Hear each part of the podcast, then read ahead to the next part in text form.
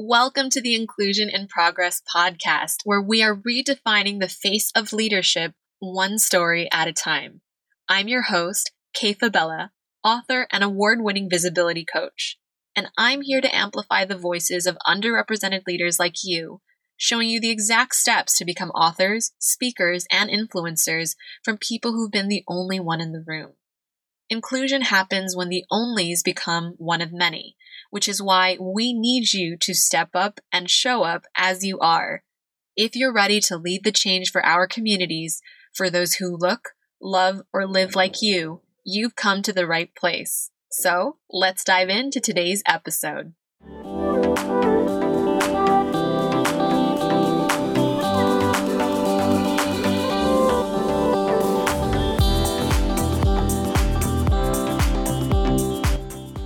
Since I got back on the LinkedIn train earlier this year, I've been really inspired and encouraged by the wave of experts, professionals, researchers, allies, advocates, all championing diversity, equity, and inclusion.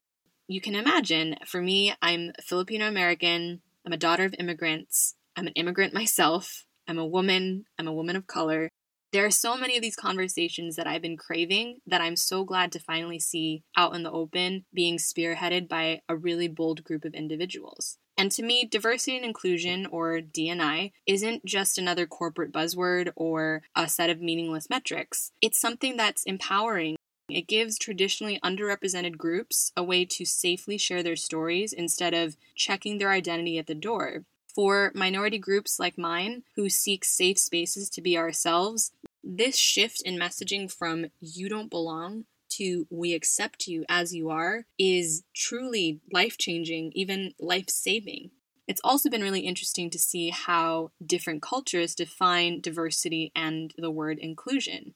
There's how inclusion is defined in countries where traditionally there have been many years of immigration, like the UK, Australia, or my home country of the US.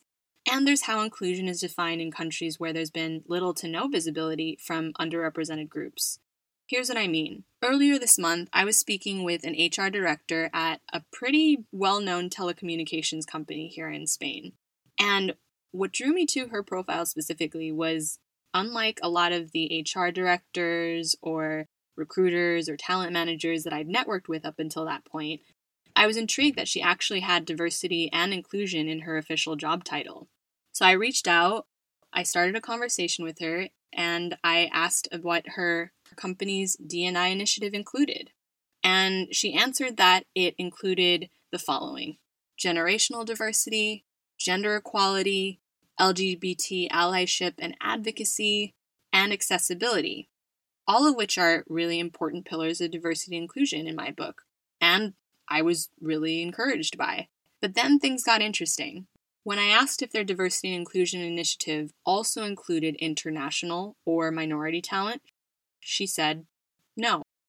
Now, given what I know about Spain's history and the cultural evolution that they've undergone from living here the past nine and a half years, I was taken aback, but not really surprised. As I mentioned in episode two, the conversation that I had with my Spanish mother in law, where She's literally gone from washing her clothes in a river to WhatsApp in her lifetime because immigration in Spain was rare, if not entirely non existent until the 1970s when Franco died. Most companies here in my adopted country of Spain are still mostly local, national professionals, and some EU nationals who have a legal right to work here. So the definitions of diversity and inclusion in Spain don't necessarily match what I've come to know in the companies I've worked with from the US and the UK, and even other parts of Europe and Asia. Which got me thinking if your definition of inclusion is selective, does that still count as inclusion? And what does inclusion actually mean? Especially given the name of this podcast. I mean, I should probably start with defining it sooner rather than later, right? I get it. Inclusion is a tricky topic because it really could cover so many different aspects.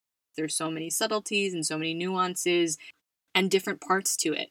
The definition of inclusion is hugely dependent on the culture of your company and, as we've seen, even on the country that you're in. But for the sake of simplicity and to establish the mission of this podcast moving forward, here's how I would define inclusion. Inclusion is about creating a safe space where everyone feels safe to show up as their full selves, as they are, without any bias towards a certain type of perspective or a feeling that one person's way of seeing the world or worldview is more valuable than somebody else's. The perspectives have to be multi generational, multicultural, multiracial, and come from different backgrounds.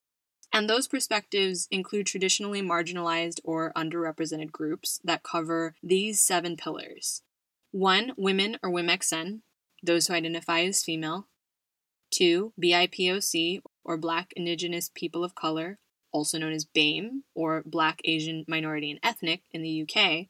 Three, LGBTQIA. Four, religion.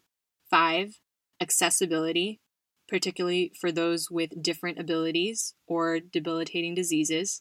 Six, age or generation. And seven, socioeconomic status. In short, to me, inclusion is equality regardless of age, gender, race, religion, background, sexual orientation, or abilities, and successfully creating a space for individuals across those various spectrums to thrive as they are. Professionals in inclusive environments feel appreciated for their unique characteristics, so they're more comfortable sharing their ideas and other aspects of their true, authentic selves. The more that we encourage traditionally underrepresented groups to show up, the more access we have to their diverse perspectives. With more diverse perspectives, we have more opportunities to embrace new, innovative ideas that are capable of expanding our collective definition of what's possible. And it gives our companies the competitive advantage we need to make waves in our industries. Now, you're probably thinking, wow, okay, that sounds like a utopia. but how do we actually make inclusion a reality? Well, we clearly have a lot of work to do for that to happen. I mean, there's a reason this podcast is called Inclusion in Progress, after all. When I'm asked to create solutions for companies, the first thing I always ask is if they're hiring and promoting in their own image. Then I ask how successful they've been at changing that trend to attract diverse talent. Then I ask how successful they've been at retaining that diverse talent once they've joined the company. These questions usually give me a sense of how inclusive the company culture is before I design a tailored solution that meets their needs. And if you need a partner to help your workplace become more inclusive for underrepresented leaders like you, head to the link in the show notes to book a discovery call with me. So, now that we've clearly defined what inclusion means, here are a few ways that you can work to create an inclusive culture in your organization where underrepresented leaders like you can thrive. First, understand the difference between D and I. Diversity and inclusion, D and I, aren't just two different letters, but they're often mentioned together, and some people think they're synonymous terms. They're not. Diversity is the what, and inclusion is the how. As Rita Mitjans of ADP says, diversity focuses on the makeup of your workforce, demographics such as gender, race, ethnicity, age, sexual orientation, veteran status, just to name a few, and inclusion is a measure of culture that enables diversity to thrive. The benefit of diverse groups is that they bring a variety of viewpoints, experiences, backgrounds, and interests to the table. Diverse teams create more unique ideas because individuals have had different experiences and, of course, view problems in totally different ways. We are able to challenge one another and ultimately develop stronger solutions, but we're only able to accomplish this in inclusive spaces. When organizations have diversity without inclusion, the results are very different. I mean, the company photo may look snazzy and cool on your website, but without inclusion, the underrepresented groups you've worked to hire will still feel unwelcome, which means they'll be less likely to speak up, to contribute to your company, and you won't actually get to benefit from their unique ideas or ways of thinking about challenges and they're probably more likely to leave if they don't feel welcome. So, even though DNI are thrown together often, understanding the difference will help you define what an inclusive culture means for you and define what work needs to be done to achieve inclusion within your organization. The second part is remembering that inclusion is a marathon, not a sprint. When it comes to inclusion, it's not a one and done kind of deal. It's a process that goes beyond a one off program for your company. And it comes back to how you work to create a culture where everyone feels like they're valued enough to be heard, respected, and understood. And it starts with the individual choices you make and the actions you take. So there are two parts to this question what to do when you're a minority, and what to do when you're a non minority. Now, if you're a minority, which is probably the most likely if you're listening to this podcast, don't be afraid to speak up and advocate on your behalf. Look for peers to lean on and actively seek out mentors and colleagues who are open to having uncomfortable conversations with you. Wherever possible, utilize clear examples, data, and most importantly, stories from your own experiences to bring attention to cultural biases you've faced.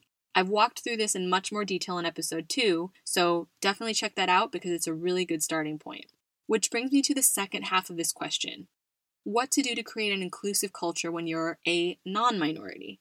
When we're talking about inclusion, pointing fingers or name calling isn't going to do any of us any good. I'm hesitant to use the word privilege here because honestly, that word's become pretty politicized, even weaponized. And the last thing I want to do on this podcast is point fingers or play a game of oppression Olympics. Let's try this. If you've never experienced bias or discrimination, here's an easy way you can be an ally and advocate to create an inclusive space for others who have.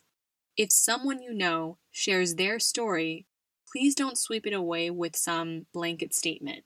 Please don't filter their experience through yours and assume that you have all the answers.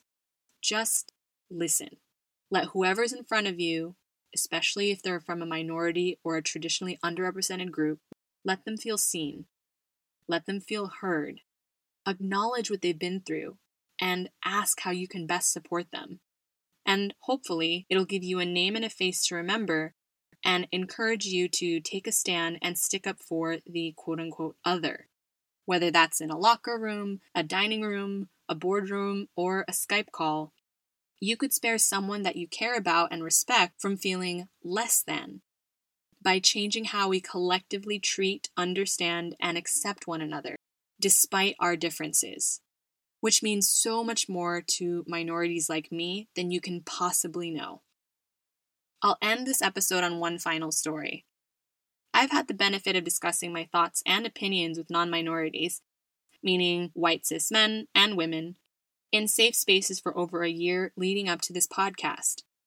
All of them were willing to hold space, learn from, and alongside me as I found my voice as a diversity advocate. And I would not have moved forward without their allyship. Inclusion can only happen when we're all advocating for each other, learning imperfectly side by side. And that's going to require allies across the spectrum and systemic and cultural changes in the ways that we attract, hire, and retain diverse talent. And most of all, our individual actions and choices. So, if you need help creating that meaningful diversity and inclusion initiative for your organization to support leaders like you who need it, and need help navigating these types of conversations in a way that everyone benefits, head to the link in the show notes. I'd love to work with you to create a space where underrepresented groups feel seen, heard, and respected, and create a truly inclusive environment for your company moving forward. Please be sure to rate, subscribe, and leave a review for Inclusion in Progress, and help us get these conversations to the people who'd most benefit from a more inclusive world. Thanks so much for tuning in, and I'll see you in the next episode.